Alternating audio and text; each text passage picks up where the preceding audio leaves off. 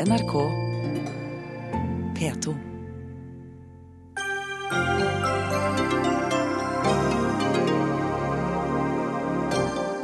Det var uansvarlig av Norge å delta i bombingen av Libya, mener forsvarspolitisk ekspert.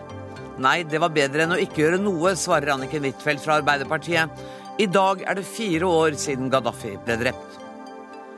Dropp leksene, de har ingen effekt, oppfordrer Foreldreaksjon. Feil, lekser må til, mener Høyre. Norske redaktører bommer når de anklager regjeringen for å bruke for mange oljekroner, sukker Høyre. Men VG står på sitt, mener de borgerlige er grovt uansvarlige og tar penger fra ungene våre.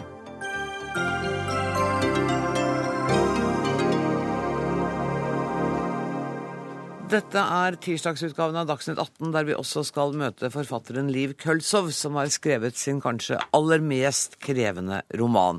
Men først. Debatten om det norske bidraget til borgerkrigen i Libya har rullet i avisene de siste ukene. I dag er det fire år siden Libyas diktator Muammar Gaddafi ble drept av libyske opprørsstyrker. Borgerkrigen i landet startet i februar 2011, og i mars samme år gikk Norge sammen med en USA-ledet flystyrke til angrep på Libya. Gaddafi flyktet, men ble funnet og drept 20. oktober, for altså nøyaktig fire år siden i dag. Vi skal høre et lite kutt fra Dagsrevyen den dagen. Endelig kom dagen de har slåss for i dager og måneder.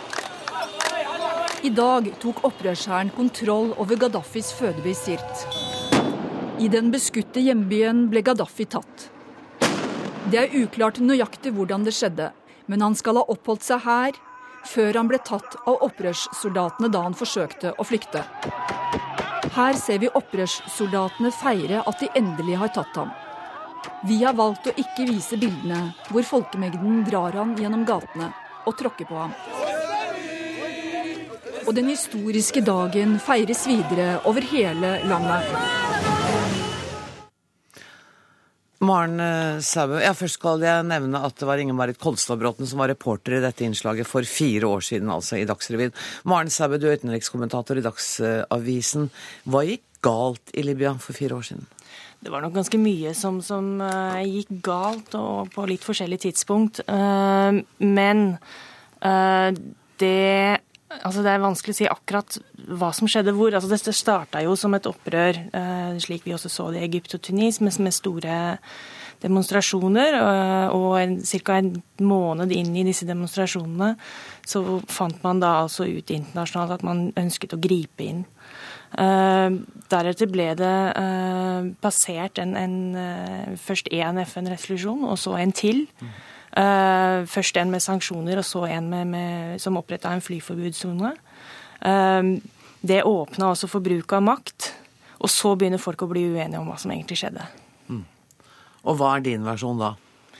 Nei, altså det min, altså min eller eh, den, den, eh, si, den versjonen som, som, som, eh, er rapportert, er jo da at denne vedtaket om flyforbudssone, som, som, for så vidt medlemslandene i FN uh, og også de forskjellige uh, partene i Sikkerhetsrådet var enige om, um, åpna som sagt for å stoppe en offensiv mot byen Benghazi, hvor man da fryktet massakrer på sivile.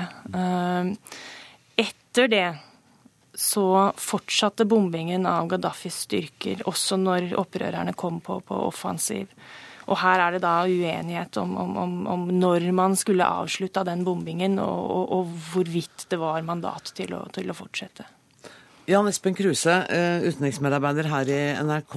Du var i Libya under eh, borgerkrigen, altså før man eh, startet jakten på Gaddafi. Eller man gjorde kanskje det, men før den 20. oktober. Hvordan var det? Ja, Det var et voldsomt kaos. Eh, eh, jeg var der i to omganger. og eh, vi var nær ved å bli omringet av Gaddafis styrker, stridsvognene, da vi var først i den østlige delen av Libya. Det var bare takket være Natos bombing av stridsvognene at vi unngikk å bli omringet av dem. Og I den andre omgangen var det altså Eh, styrker lojale til Gaddafi, som holdt ut i lommer i byer hvor de ikke ville gi seg, og hvor det fortsatt pågikk krigføring. Og det var altså så kaotisk at vi, vi havnet ved, ved en feiltagelse ved fronten flere ganger og var nær ved å bli, bli truffet av raketter som Gaddafi-styrkene skjøt ut. Og, og det var altså milits ungdomsgrupper. Ingen ante hvem de tilhørte, hvem de var. Eh, og de hadde kontrollpunkter rundt omkring. Og eh, senere krav om at de skulle levere inn våpnene sine, som de da hadde fått fra Gaddafis, eller tatt fra Gaddafis store eh, våpenlagre, det bare lo de av. Sånn at da, allerede da var jo tegninga ganske klar. Her kom det til å bli et land som ble delt opp i svære i områder og hvor de ulike militsgruppene ville fortsette å slåss seg imellom. Men Du var jo der også, du sa i to omganger. Du var der rett etter at landets diktator ble styrtet. Hva møtte deg da? Ja, Da var vi eh, ved en eh, by som het Bani Walid, et par timers kjøring sør for Tripoli. Og Det var her det var harde kamper mellom opprørsstyrkene. De trodde at Gaddafi hadde forskanset seg i denne byen, og derfor var de så ivrige på å ta den. Men det var altså det var da vi, vi, havnet Vi var med opprørerne, og de sa at her var det ikke farlig, men at det var, fullt, det var altså full krig rundt denne byen sør for Tripoli så sent. Hva kan du si om situasjonen i Libya i dag? Eh, det er jo Arven etter Gaddafi står jo tindrende klar. Han bygde opp eh, hele statsapparatet rundt seg selv eh, som diktator, som person. Da han forsvant, så var det ikke noe statsapparat som kunne fortsette. Og Dette var jo et land som besto av stammer, grupper, som der mistet vi eh, Jan Espen Kruse. Han var med oss på en telefon fra et annet sted i Oslo. Det, men det er mulig vi får ham med en. Eh, men enn så lenge så har jeg lyst til å spørre deg, Maren Sebbe. Eh, du var skeptisk til at Norge skulle delta i denne bombingen? Ja, eller jeg var vel som en del andre som er opptatt av hva som skjedde sør for Sahara, og som skjedde på kontinentet ellers. litt kan man si, forsiktig med, med, med å, å, gå inn for en, et regimeskifte i Libya. Det ble jo i, i, norsk debatt ofte framstilt som at afrikanske ledere som var mer forsiktige, og som også i, selv etter at bombingen hadde begynt, jobbet med et veikart uh, for Libya i regi av Den afrikanske union. Det ble ofte fremstilt som at ja, men de var jo bare Gaddafis gamle buddies osv. Men afrikanske ledere, og spesielt naboene hans, hadde jo på en måte erfaring med hvordan det var å håndtere Gaddafi. De visste hvor mye våpen Uh, hvor mye militsgrupper og leiesoldater det var i Libya, og var selvfølgelig redd for smitteeffekten. Vi skal høre et lite kutt av hva daværende utenriksminister Jonas Gahr Støre sa om Libya. Jeg tror at det, det, som eh, er helt klart når man går militært til verks i en slik operasjon, som ble gjort fra lufta fra Natos side, og som Norge deltok i, og som jeg mener var helt nødvendig, og som vi kan stå meget vel inne for, så er det på bakken en konflikt avsluttes. Og det blir blodig. Eh, det er store ødeleggelser gjennom eh, flyet, flyvåpenets arbeid, men også gjennom det som har vært borgerkrigens gang. Og jeg tror det er viktig å si at Uten Natos deltakelse så hadde ikke dette gått sånn som det gikk. Men det er det libyske folkets kamp. Det er de som reiste den. De hadde motet til å reise seg mot dette despotiske regimet etter 42 år. Og det er de som gjennomførte den med en meget høy pris. Anniken Huitfeldt, du er leder i utenriks- og forsvarskomiteen på Stortinget for Arbeiderpartiet. Jeg går ut fra at du er enig i alt eh, Jonas Gahr Støre her sa. Men hvilke vurderinger var det regjeringen gjorde før den sa ja til å bli med på bombingen av Libya? Det var en situasjon uten noen ideelle handlingsalternativer. Eh, daværende utenriksminister Jonas Gahr Støre hadde jo eh, vært eh, relativt sterkt engasjert i å få til en fredelig løsning.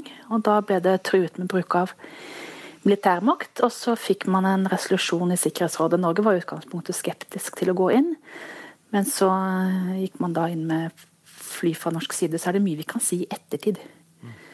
Eh, og den viktigste lærdommen er vel at det, når vi får et regimeskifte, så ble altså situasjonen for eh, befolkningen svært utrygg. Slik at man kan nesten si at en dårlig stat kan være bedre for lokalbefolkningen i en del land enn eh, ingen stat som vi ser i Libya i dag. Og det er jo lærdommer å trekke av dette også, men vi følte den gangen at vi står overfor et folkemord.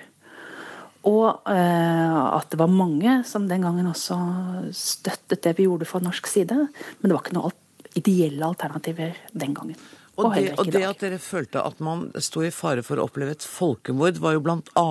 basert på en TV-tale som Gaddafi Eh, hadde gitt, og hvor det vel er gitt litt ulike referater av hva han egentlig sa. I det utvidede opptaket så sier han at vi vil bruke makt i henhold til internasjonale lover og regler, og hvor han langt fra truet eh, om et folkemord.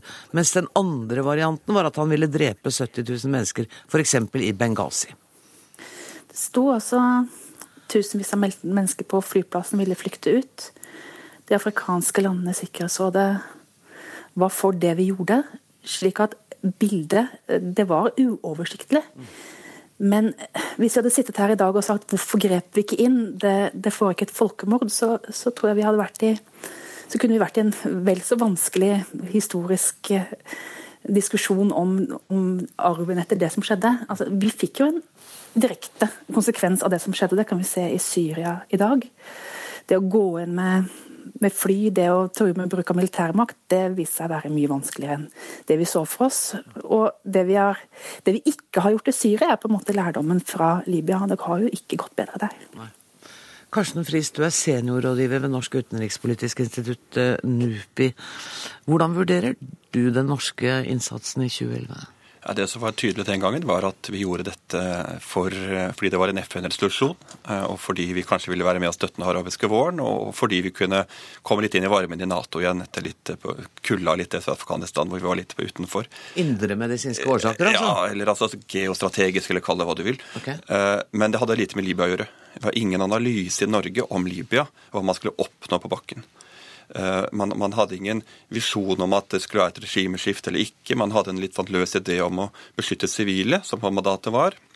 Men, men, som mange sa allerede den gangen, og som er klassisk militær eh, visdom, er jo at, at du, kan ikke, du, kan ikke, ha en militær operasjon bare for å beskytte sivile. Enhver militær operasjon har en politisk effekt. Mm. Og hvis ikke man tenker over det, så vil den effekten den vil komme uansett. Og det som var tydelig i Norge, i motsetning til en del andre land, var at vi ikke hadde noen diskusjon om det i det hele tatt. For det var det på en måte ikke tid til, eller? Nei, men Vi har heller ikke noe særlig tradisjon for det, fordi at vi, vi, tradisjonelt er med for å støtte våre allierte, sammen med Afghanistan i og for seg.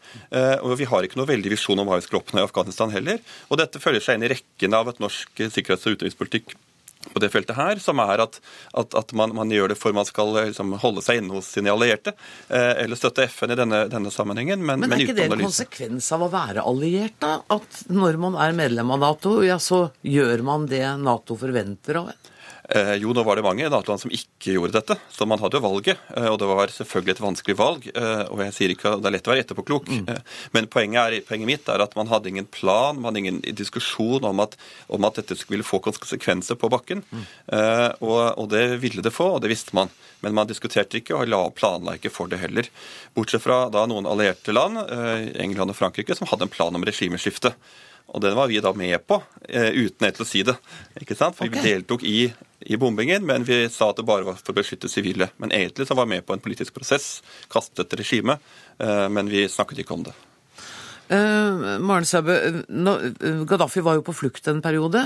Hvordan var situasjonen? Da visste man hvilket regime man da kom til å få? Nei, det visste man vel ikke. Altså det, man hadde jo en sånn løs koalisjon. altså Opprørerne mens de hadde sete i Benghazi, hadde jo dette nasjonale rådet. Eh, man så jo veldig tidlig at det var motsetninger mellom de forskjellige gruppene. altså sånn Gaddafi hadde jo bygd en veldig sterk stat rundt sin egen person og, rundt sin egen familie også. Han hadde en sønn som skulle overta Saif al-Islam. Eh, alt var basert på den personlige makta, eller familiens makt. Eh, det betyr jo at eh, alle disse andre opposisjonsgruppene og alle dette, dette vakuumet som på en måte begynner å oppstå når, når Gaddafis Gaddafi-styrker er på retrett. At, at, hvem som helst kan gå inn og, og også da forsyne seg av det som finnes av, av uh, veldig mye våpen. Og, og, og, på en måte sinne og, og i det hele tatt altså sånn, det, det ligger veldig mye uh, uklarheter i, i, i, hvordan de forskjellige militsgruppene oppsto i de følgende månedene. Mm. Nå har det gått fire år, og vi hører jo Anniken Huitfeldt si at det politiske miljøet har jo lært av det vi gjorde. Betyr dette at vi ikke kommer til å gjøre denne type feil igjen, hvis det var feil? Vel, Vi bombet i Kosovo. Det var jo ikke så mange år mellom Kosovo og, og, Libya, så vi får se hvordan lære, lærekurven er. Eh, men allerede under Kosovo-krigen så snakket vi om eh, at militærmakten har sin, luftmakten har sine begrensninger. Skal man gå inn militært, så må man eh, gjøre det ordentlig med en målsetning, tror jeg, med, også med bakkestyrker, selv om det er vondt. Og så må man da eventuelt ha en plan om hva man skal gjøre. Men da tenker jo alle på Irak, Afghanistan, hvor vanskelig det var. Eh, så det er jo ingen lett det er jo ingen lette oppskrifter her. Ingen lette oppskrifter. Tusen takk for at dere var med i Dagsnytt 18, Maren Sæbø, Anniken Huitfeldt og Karsten Friis. Og takk også til Jan Espen Kruse, som vi mista på telefon. Dagsnytt 18 alle hverdager klokka 18.00 på NRK P2 og NRK2.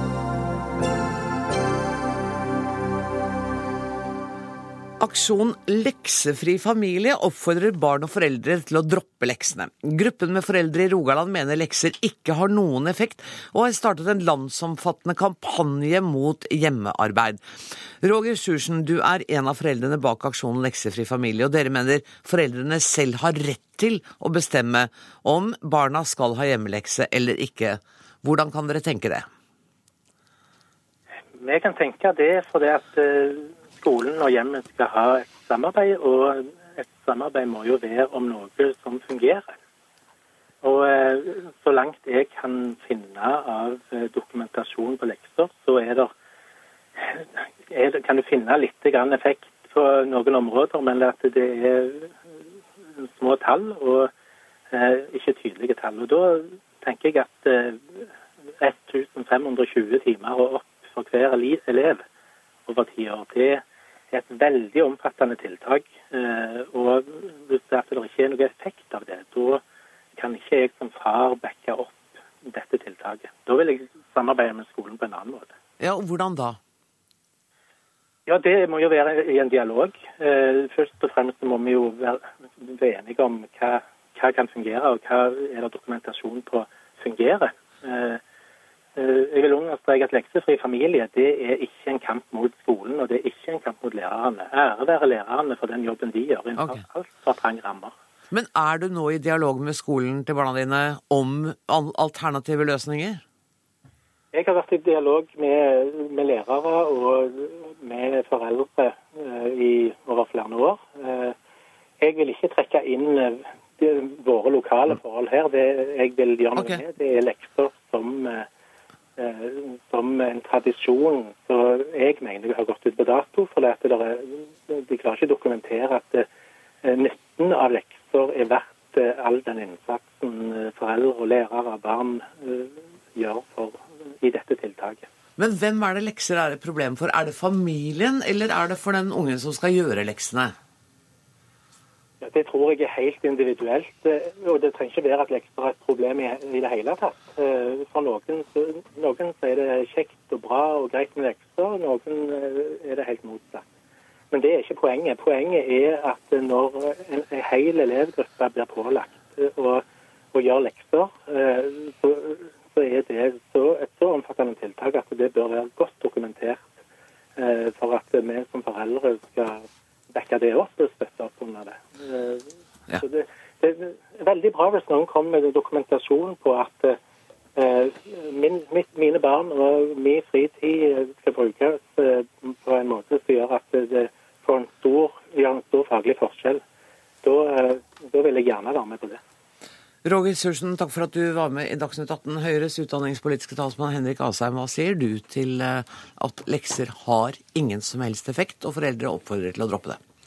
Nei, Jeg er jo ikke enig i at man burde droppe lekser, men det er viktig å si at lekser er jo ikke regulert. Det er ikke sånn at vi har skrevet en lov som sier at barn skal ha lekser. Det er opp til hver enkelt skole og pedagog å bestemme om man skal ha. Men det er ikke opp til foreldrene? Nei, det er skolene som bestemmer det. Og det gjelder jo ganske mange forskjellige ting. At det er skolene som er fagpersoner og pedagoger som legger opp noen linjer der. Vi kan ikke ha en skole hvor foreldrene bare helt fritt kan shoppe den delen av skolen de liker. Men, men hvis foreldre en... ser at ungen min sitter og holder på med arbeid som virkelig ikke har noen som helst verdi.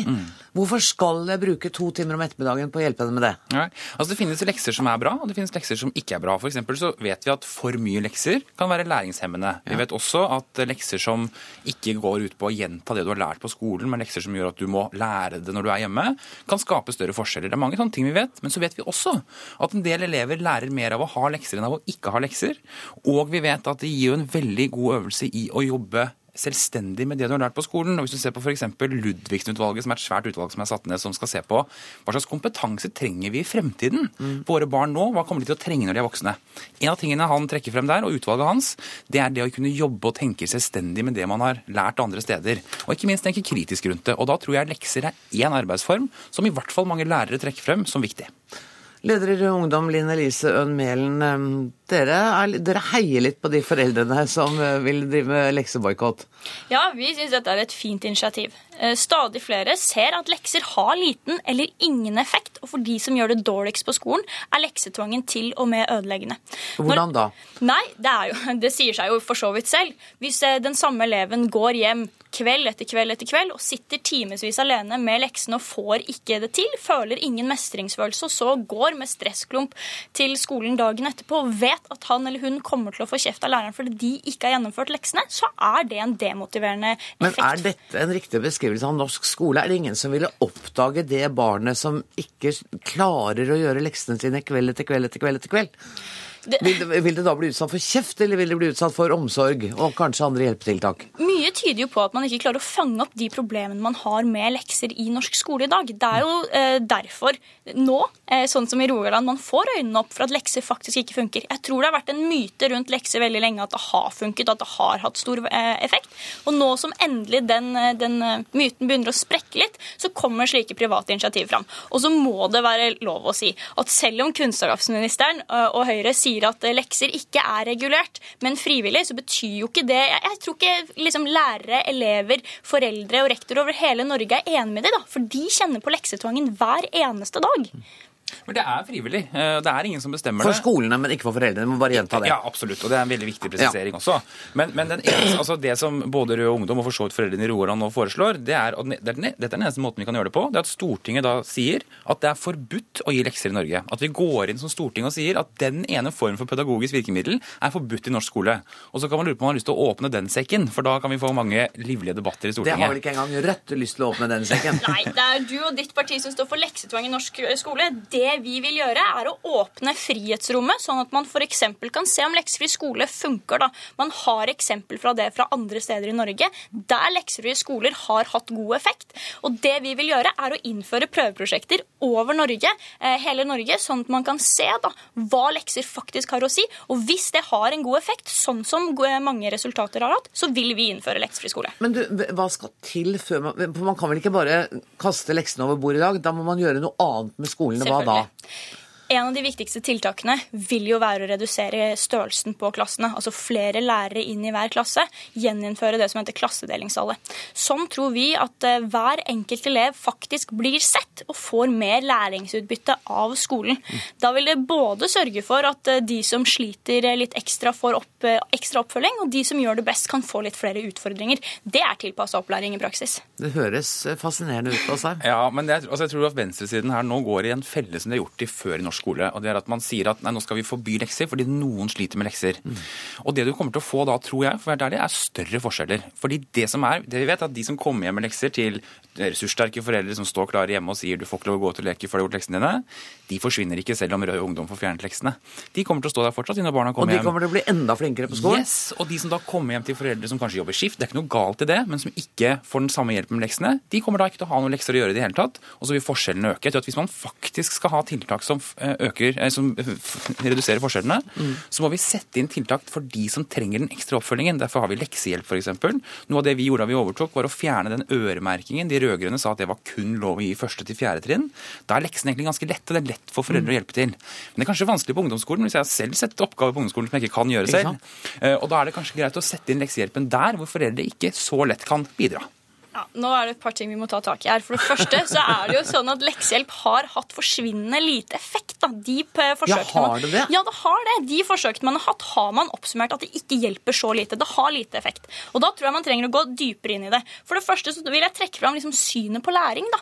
For en av de viktigste tingene det er jo nettopp å gi barn og ungdom mer fritid. Fordi lekser eller læring stopper ikke på skolen bare fordi tiden eh, på skoledagen er over. Det, læring skjer jo når du er på fotballbanen, når du leser bok osv. Og, så og det er det vi vil oppfordre elever til, og det får du jo bedre tid med hvis man fjerner leksene. Alternativet er å høre på Dagsnytt 18. Jeg må bedre gå. Tusen takk for at eh, dere kom eh, til Dagsnytt 18, Linn Elise Ødenmjell og Henrik Asheim.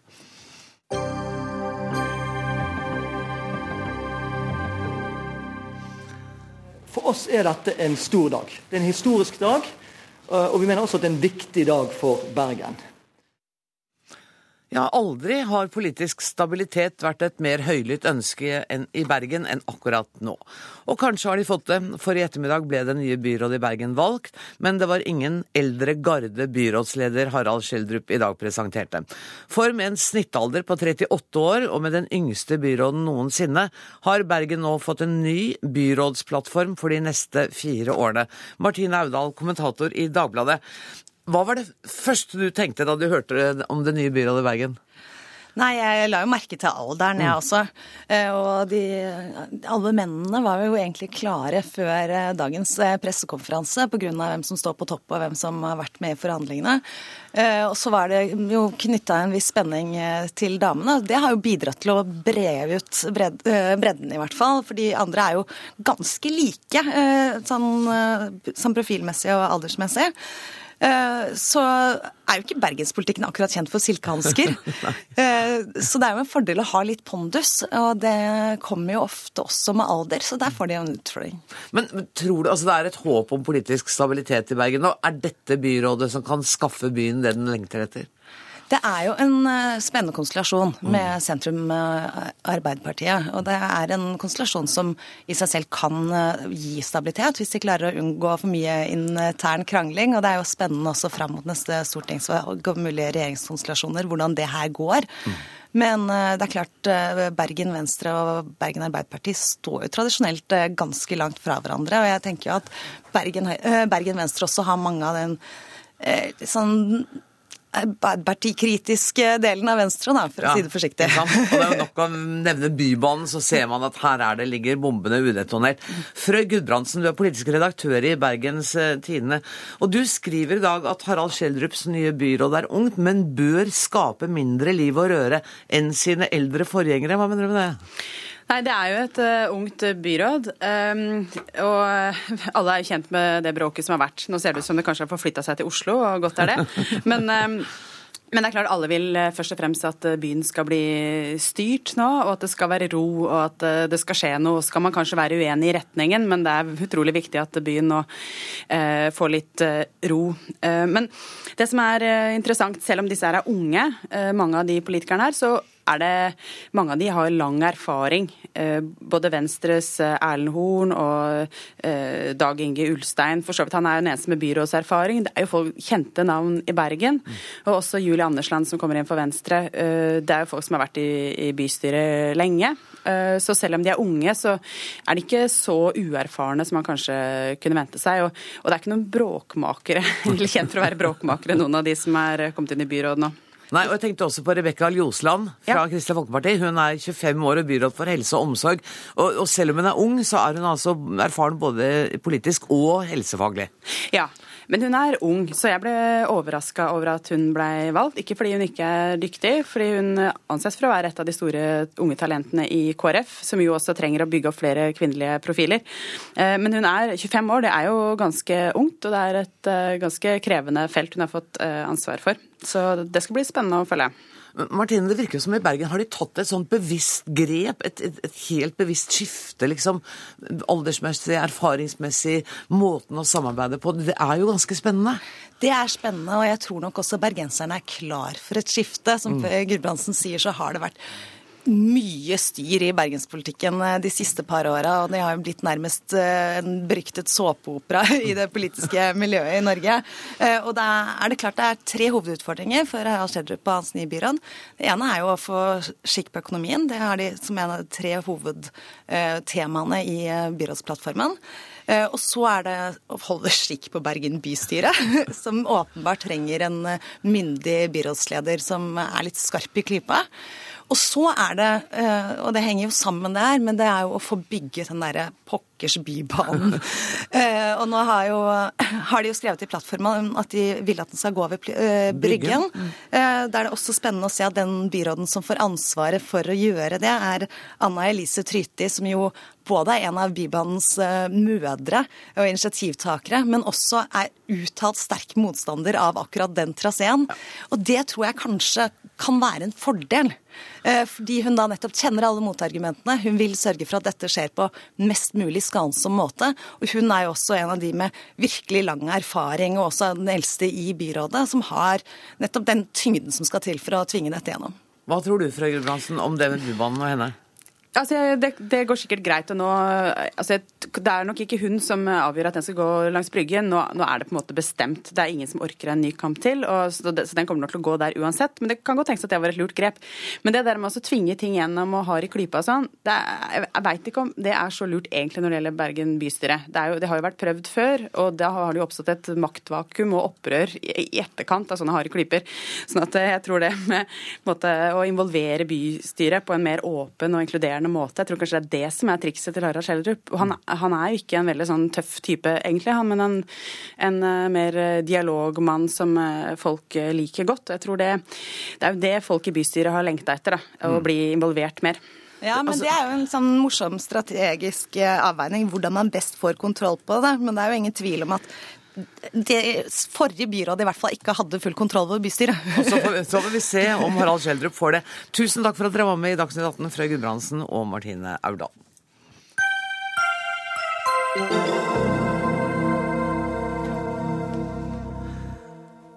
hun virkelig hadde lyst til å fortelle, og hadde hatt lyst til i lengre tid, det var en historie om kjærlighet. Om kjærlighet og penger. Og nå hadde hun merkelig nok fått den oppe i fanget. Ordene tilhører Kaja Baumgarten, hovedpersonen i Liv Kølsovs siste roman. Og dermed tilhører jo ordene også deg. Velkommen hit, Liv Kølsov. Takk. Først tittelen på romanen din. 'Melding til alle reisende'. Hvorfor den? Ja, fordi det er en uh, melding til alle reisende. Det er en roman og jeg er veldig fornøyd med den tittelen, forresten. Den er veldig spennende. Men uh, den er vel et signal om at om at dette er en roman om helheten i et menneskeliv. Som alle romaner. Men um, det er jo også en roman om uh, om Kaja Baumgarten som har eh, en kronisk nevrologisk sykdom. Og eh, det er altså ikke noen bok om Parkinson, det er en roman. Det kan jeg underskrive på, for jeg leste den i går. Og det er en bok om kjærlighet og penger og utnyttelse og barndom og ikke minst Brahms midt oppi alt dette her.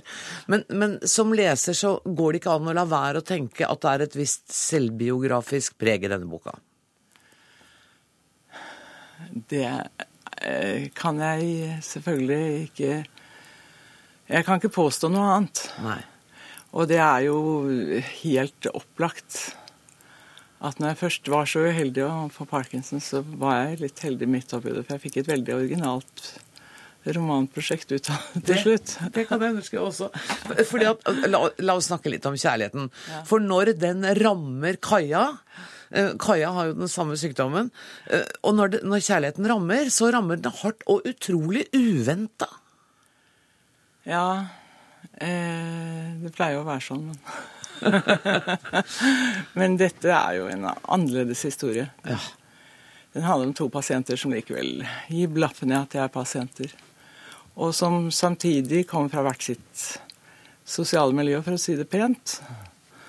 Og, og som man skulle tro ikke hadde noe som helst felles i det hele tatt. Null og niks.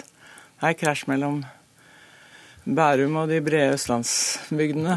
Og mye annet krasj der òg. Men eh, de, har, de, har, eh, de er like desperate begge to. Har, eh, de treffes på et rehabiliteringssenter. Og han har en sykdom som ikke er noe god, og gir blanke blaffen. Og hun har sitt. Og dette forener dem, og dessuten så vil jeg tro at det forener dem at hun er dikter, forfatter, skriver romaner, dikt og løgn.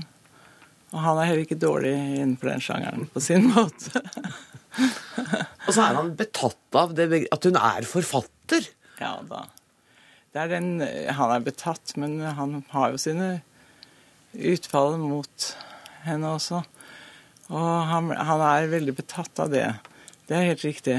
Men han blir kanskje ikke fullt så betatt når han finner et utkast hvor han er inkludert i manuskriptet. Og da blir det vanskelig mellom dem, i hvert fall en, en periode. Eh, men du, eh, altså det, det, er lett å se at han utnytter henne. Han er blakk hele tiden, og hun har litt penger, og hun lar han gjøre jobber hos seg. Ja. Men så tenker jeg etter hvert Hun utnytter kanskje han litt òg? Hun gjør jo det. Altså men uh, i hovedsak så har de en merkelig gjensidig nytte av hverandre. Mm. Altså utnytte vil jeg ikke si. Nei. En nytte? Uh, en nytte. Men det er klart det foregår en deal her. Mm. Det er det ingen tvil om. Og uh, langt bak i huene så sitter det hver gang hun kommer med et nytt utlegg til herr Vegard Vinsnes. Uh, fordi han hatter en gang er blakk, så tenker hun det er, jeg trekker fra på selvangivelsen som, som utgift til inntektservervelse til neste roman. Og dette, Denne boka handler virkelig ikke bare om parkinson, men den gir oss et inntrykk av hvordan sykdommen begrenser. Men du, på en måte så er den litt frigjørende òg, er den ikke det for henne? Jo da.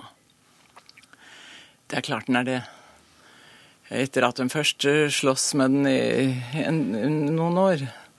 Hun har eh, lært seg kunsten og Ja, ikke har lært seg, men hun lærer seg kunsten å vrenge eller bende Bende hvilket som helst strek i regningen til, et, til, en fordel. Og det er mulig at det er bl.a. sin nye venn hun har lært det. Ja. Det kan jeg ikke svare på, for det står det ikke spesifikt i romanen, men det, det falt meg inn nå. og det tror jeg kanskje du har litt rett i. Også, og, den, og, den, utvikler jo staheten hennes. Hun reiser til utlandet, hun later som hun ikke er syk. Hun er fly ja. forbanna, kaster ting i veggen. Ja. Men samtidig så skriver hun. Ja da. Det er helt sikkert. Hun skriver. Hun skriver og skriver. Og hun skriver midt i oppslaget mellom dem også, holdt jeg på å si. Altså, det er jo helt eh, Det blir jo helt eh, Det blir temmelig sprøtt, og det er derfor jeg grep det som et genialt etter mine begreper, prosjekt. Jeg vet ikke om jeg lykkes eller ikke, men jeg opplevde det som det underveis. Fordi både Parkinson og skrivesirkuset Ja, det blir et sirkus til slutt. Det er et sirkus. Ja. Det er et sirkus hvor hun sover to timer om natten, ja. skriver hele tiden, ja. retter sine egne notater, blir manisk. Ja. Og medisinene eh, bruker, eh, gjør det jo ikke mindre absurd. Altså, de, de De fleste pasienter pleier å ha det bra med de medisinene i noen år, men så blir det vanskelig. Mm. Og det finnes jo ulike former for parkinson og alt det der. Jeg skal ikke gå så veldig inn på det. Men eh, jeg gir vel nok info i boka, tenker jeg, til at eh, folk er med på notene. For eksempel, for det, ja. her, er det, her er det sex og vin og røyking og vidunderlige følelser og depresjoner og frustrasjoner, og du får eh, alt. Kan jeg bare helt til slutt spørre deg, Liv Krøsa, hvordan har du det nå? Jeg har det veldig fint.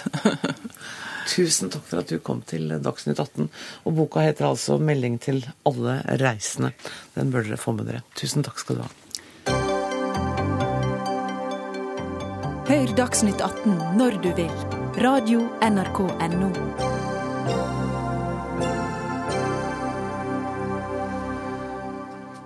om barnehager nå. Vi trenger både kommunale, ideelle og private aktører for å sikre full barnehagedekning. Det sa påtroppende byrådsleder Raymond Johansen tidligere i vår, da han lovet Oslo 3000 nye barnehageplasser. Men så i går kom Rødt med et krav om, om, at kommersielle aktører ikke skal kunne bygge nye barnehager i Oslo, da de, da de, presenterte samarbeidsavtalen som de har inngått med Arbeiderpartiet, SV og Miljøpartiet De Grønne. Tone Helvik Dahl fra Oslo Arbeiderpartiet. Arbeiderpartiet, dere har snudd her, rett og slett? Nei, det, det, har vi ikke. Eh, de kommersielle aktørene som eh, driver barnehage i Oslo kommune i dag, de skal fortsatt eh, få lov å gjøre det. Men den gangen så sa Raymond Johansen at her skal vi bare få bygd nok barnehageplasser, og satte ingen begrensninger på om det var kommersielle, ideelle, eller statlige eller kommunale. Ja, det er også slik at de kommersielle som driver i dag, hvis de har muligheten til å bygge ut kapasiteten på eksisterende barnehage, så er Bjørnar Moxnes og byregjeringspartiene enige om at de skal få lov til å gjøre det.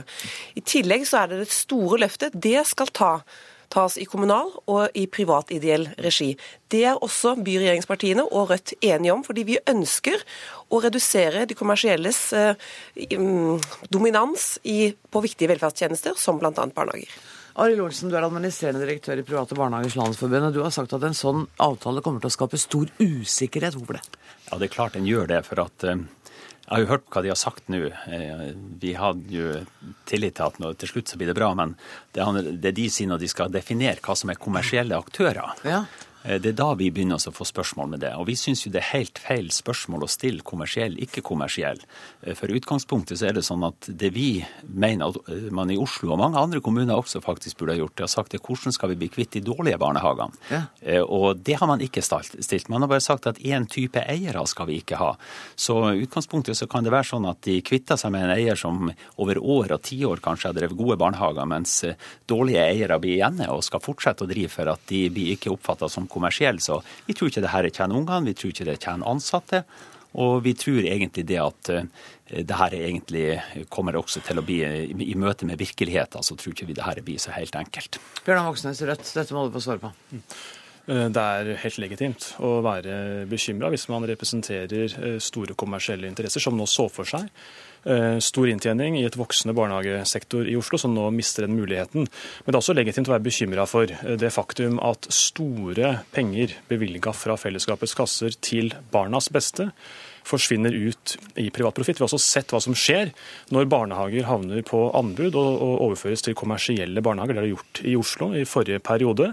Vi er bekymra for hva som skjer med barna når de altså mister 10 av 17 ansatte som slutter fordi de ikke ønsker å gå ned i pensjon og lønn. Så altså, Det er altså legitimt eh, at, eh, at, PBL eh, slåss for interessene til også de kommersielle, men de private ideelle vil jo tjene stort på at vi nå sier at vi bygger ut nye barnehager i Oslo i kommunal regi og i privat non-profit ideell regi. Men de kommersielle får innfinne seg med at heretter så vil de ikke få eh, flere sugere inn i Oslo kommunes eh, skattekasse. Nå skal vi bygge barnehagene selv og sammen med private ideelle istedenfor at eh, store konserner som ofte har base i utlandet, sånn som Equity, som eier flere barnehager i Norge og Oslo, skal få enda mer penger. Det var et langt svar hvor du ikke svarte på det Olsen sa. Han sa nemlig at noe av problemet her er at dere går ikke på kvaliteten på barnehagene, dere går på det ideologiske, på hvem som er eier.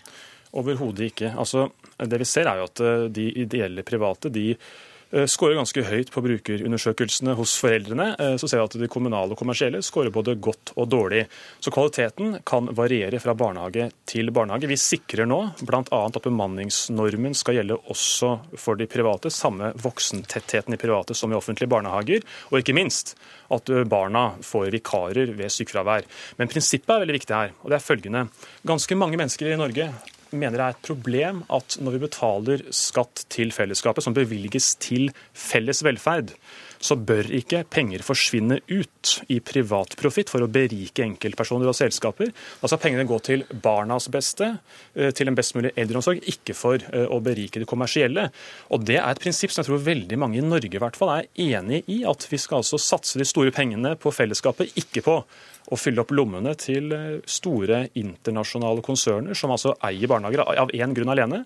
For å hente ut profitt. Det er forskjellen, mener vi. Du rister på hodet, Olsen. Ja, det, det, er for at utgangspunktet er det sånn, jeg må bare si For oss som organisasjon så er ikke vi opptatt av antall private barnehager og antall kommunale. Vi er opptatt av at de barnehagene som er der, skal ha gode vilkår. Det skal stilles krav til de. Vi, eh, når det gjelder vår medlemsmasse, som utgjør omtrent 80% av de ungene som går i private barnehager, så kan vi møte enhver og diskutere både pensjonsordninger og tariffavtaler.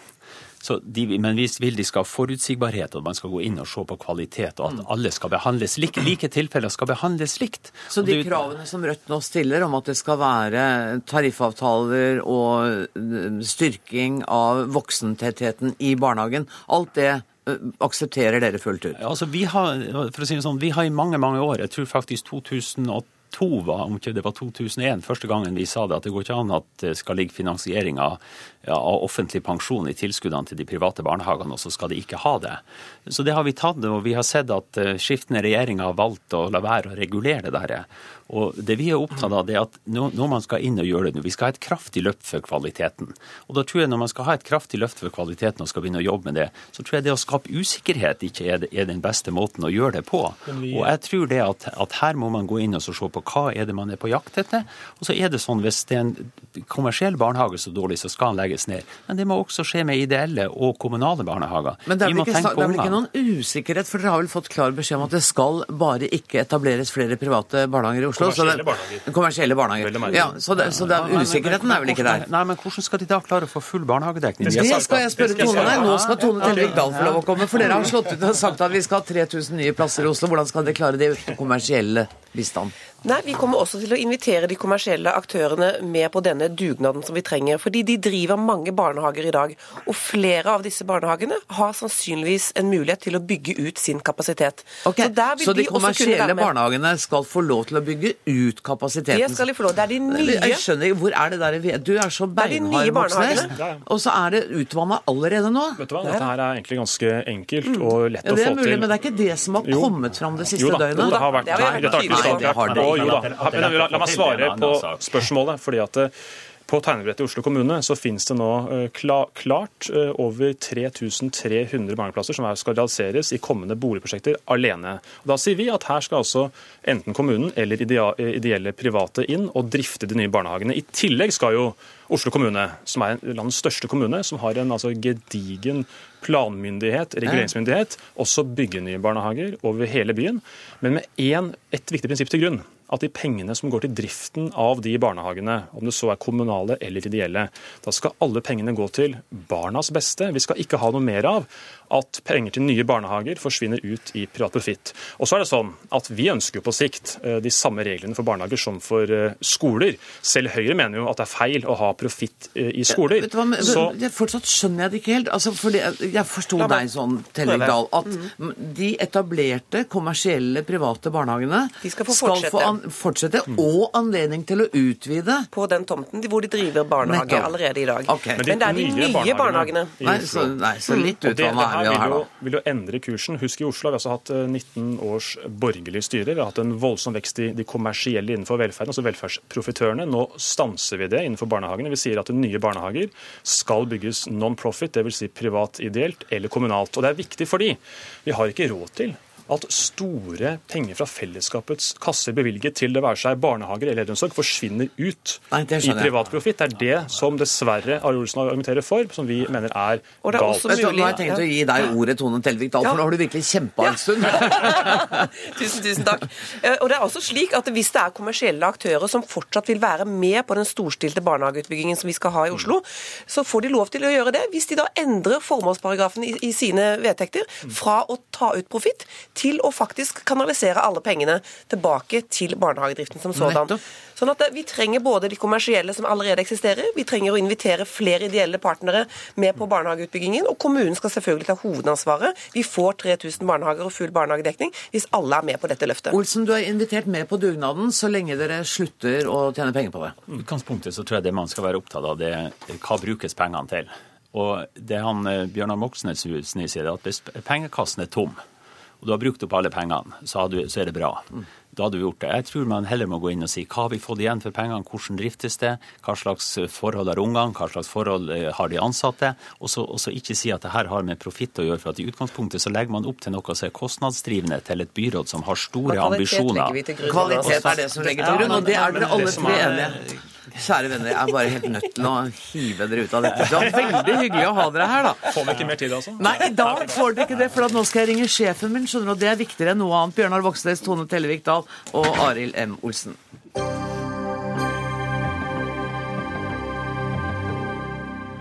Ja, jeg skal bare ta en liten telefon til selveste sjefen. Det er nemlig lov å være litt selvopptatt dagen før dagen. I morgen feirer Dagsnytt 18 sitt 25-årsjubileum, og det skal vi markere med en festsending direkte fra Rockefeller i Oslo. Men dit kommer ikke du, Tor Gjermund Eriksen, og det er derfor jeg ringer deg nå. Nei, og det er jeg jo veldig lei meg for. Det er jo et viktig jubileum da, med 25 års eh, debatt. Eh, moro, alvor, viktige ting. Eh, engasjement.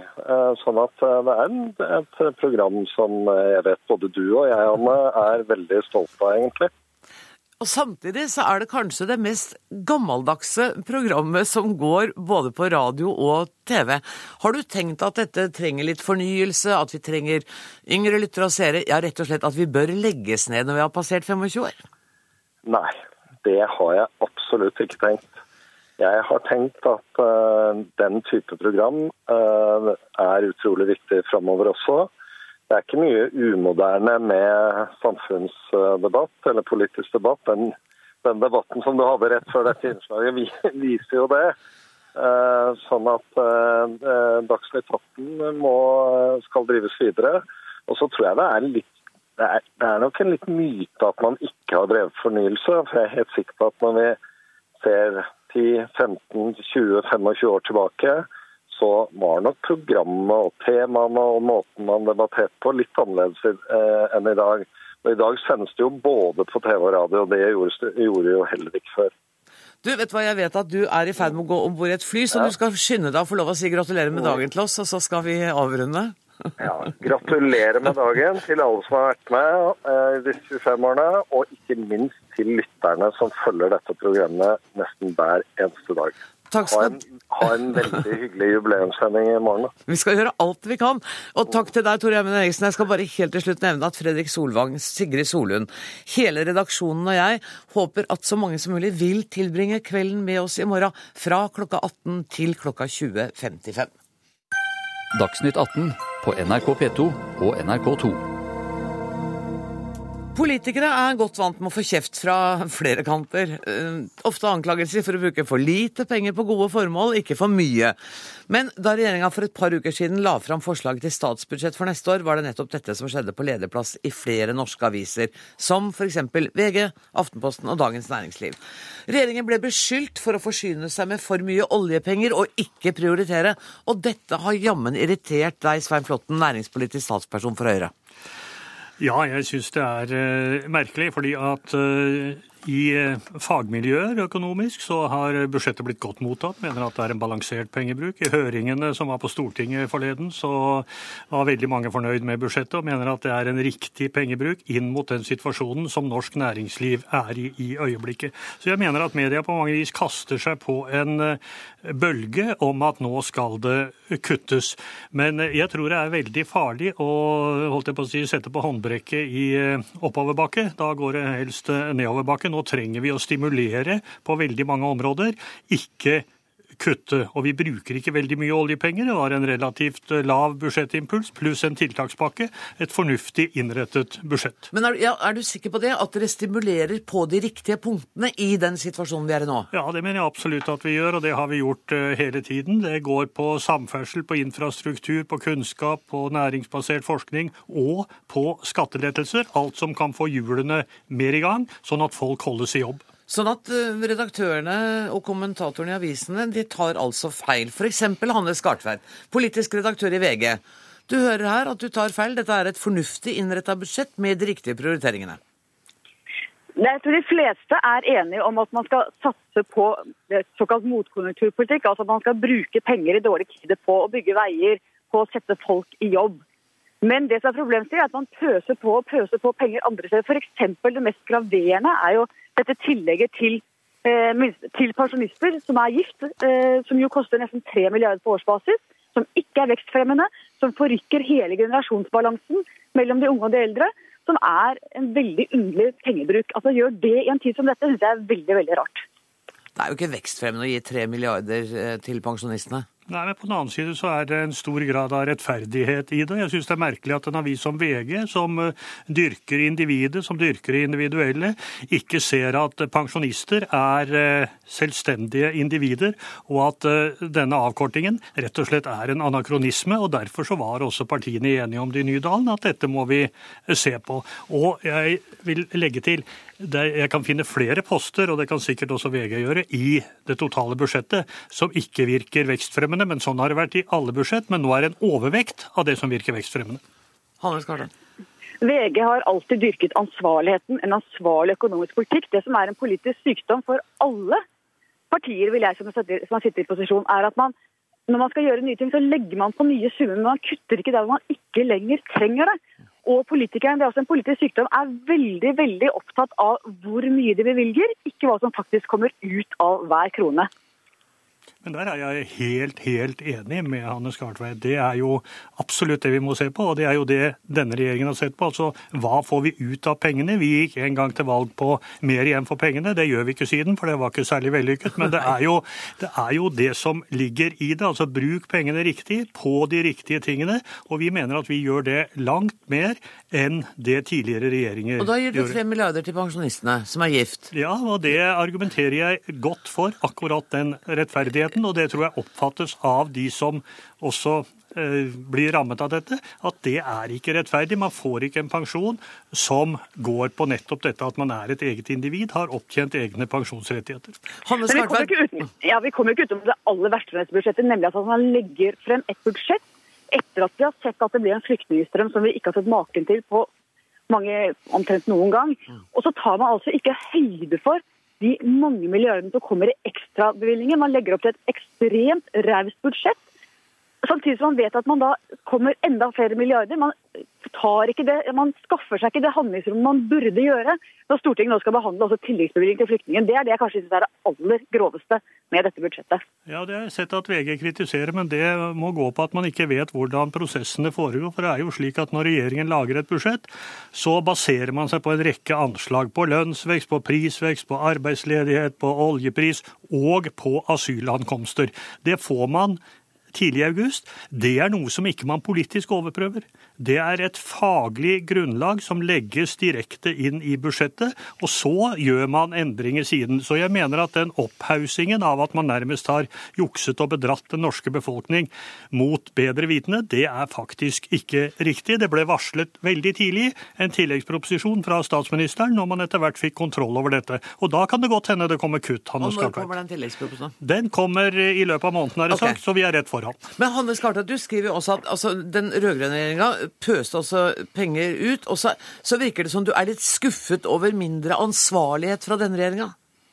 Altså, Erna Solberg var jo veldig tydelig i valgkampen på at, at Høyre var garantisten for en ansvarlig økonomisk politikk. Og så ser vi altså at eh, Frp, som jo alltid har vært veldig veldig glad i å bruke statlige penger, de får gjennomslag. Det har aldri vært brukt mer oljepenger noen gang. I løpet av disse tre budsjettene til den blå-blå regjeringa er det brukt omtrent like mye som de rød-grønne brukte på åtte år. Jeg frykter mye av barna og barnebarna våre sine penger. Det er uansvarlig. Og vet du hva? Utgangspunktet for denne samtalen Flotten, det er altså at du har vært irritert på avisenes kommentarer og redaktører. Og jeg tenker, Egentlig så sitter du her som en forfatter som er forbanna på anmelderne. Og det er, det er, en litt uvanlig situasjon. Er du fornøyd med at du fikk lov å mm, tale litt ut på Hanne Skartvedt nå? Ja, veldig egentlig. For det er veldig sjelden at jeg irriterer meg over det man skriver. Men dette jobber jeg så tett med at jeg ser at eh, det går eh, litt over alle støvleskaft, denne, denne denne kritikken. Man burde gå litt nærmere inn i det. Og så ser man at det å styrke næringsliv, det å styrke arbeidsplasser nå, det er alfa og omega. Og da trenger vi å bruke de pengene som vi har gjort. Hanne Skartveit, jeg skulle gjerne hatt deg i studio, men jeg forstår at du fortsatt er på Det kongelige slott. Hvordan er det der? Ja, det var veldig hyggelig. Det var en fantastisk opplevelse hvor da kongen og dronningen hadde invitert uh, ulike religiøse ledere fra hele spekteret i Norge. Hvor det var uh, religionsquiz, det var god mat fra all verdens hjørner. Det var veldig ålreit og nydelig musikk. Og det var en fin stund. Dronningen var rørt. Ja, så bra. Enda bedre enn å være i Dagsnytt 18, som Dag Dørum i dag hadde ansvaret for. Den, og det tekniske ansvaret hadde Marianne Myrhol. Da kan jeg nesten ikke snakke for klokka vår så fort. Jeg heter Anne Grosvold, og vi ses på Rockefeller i morgen.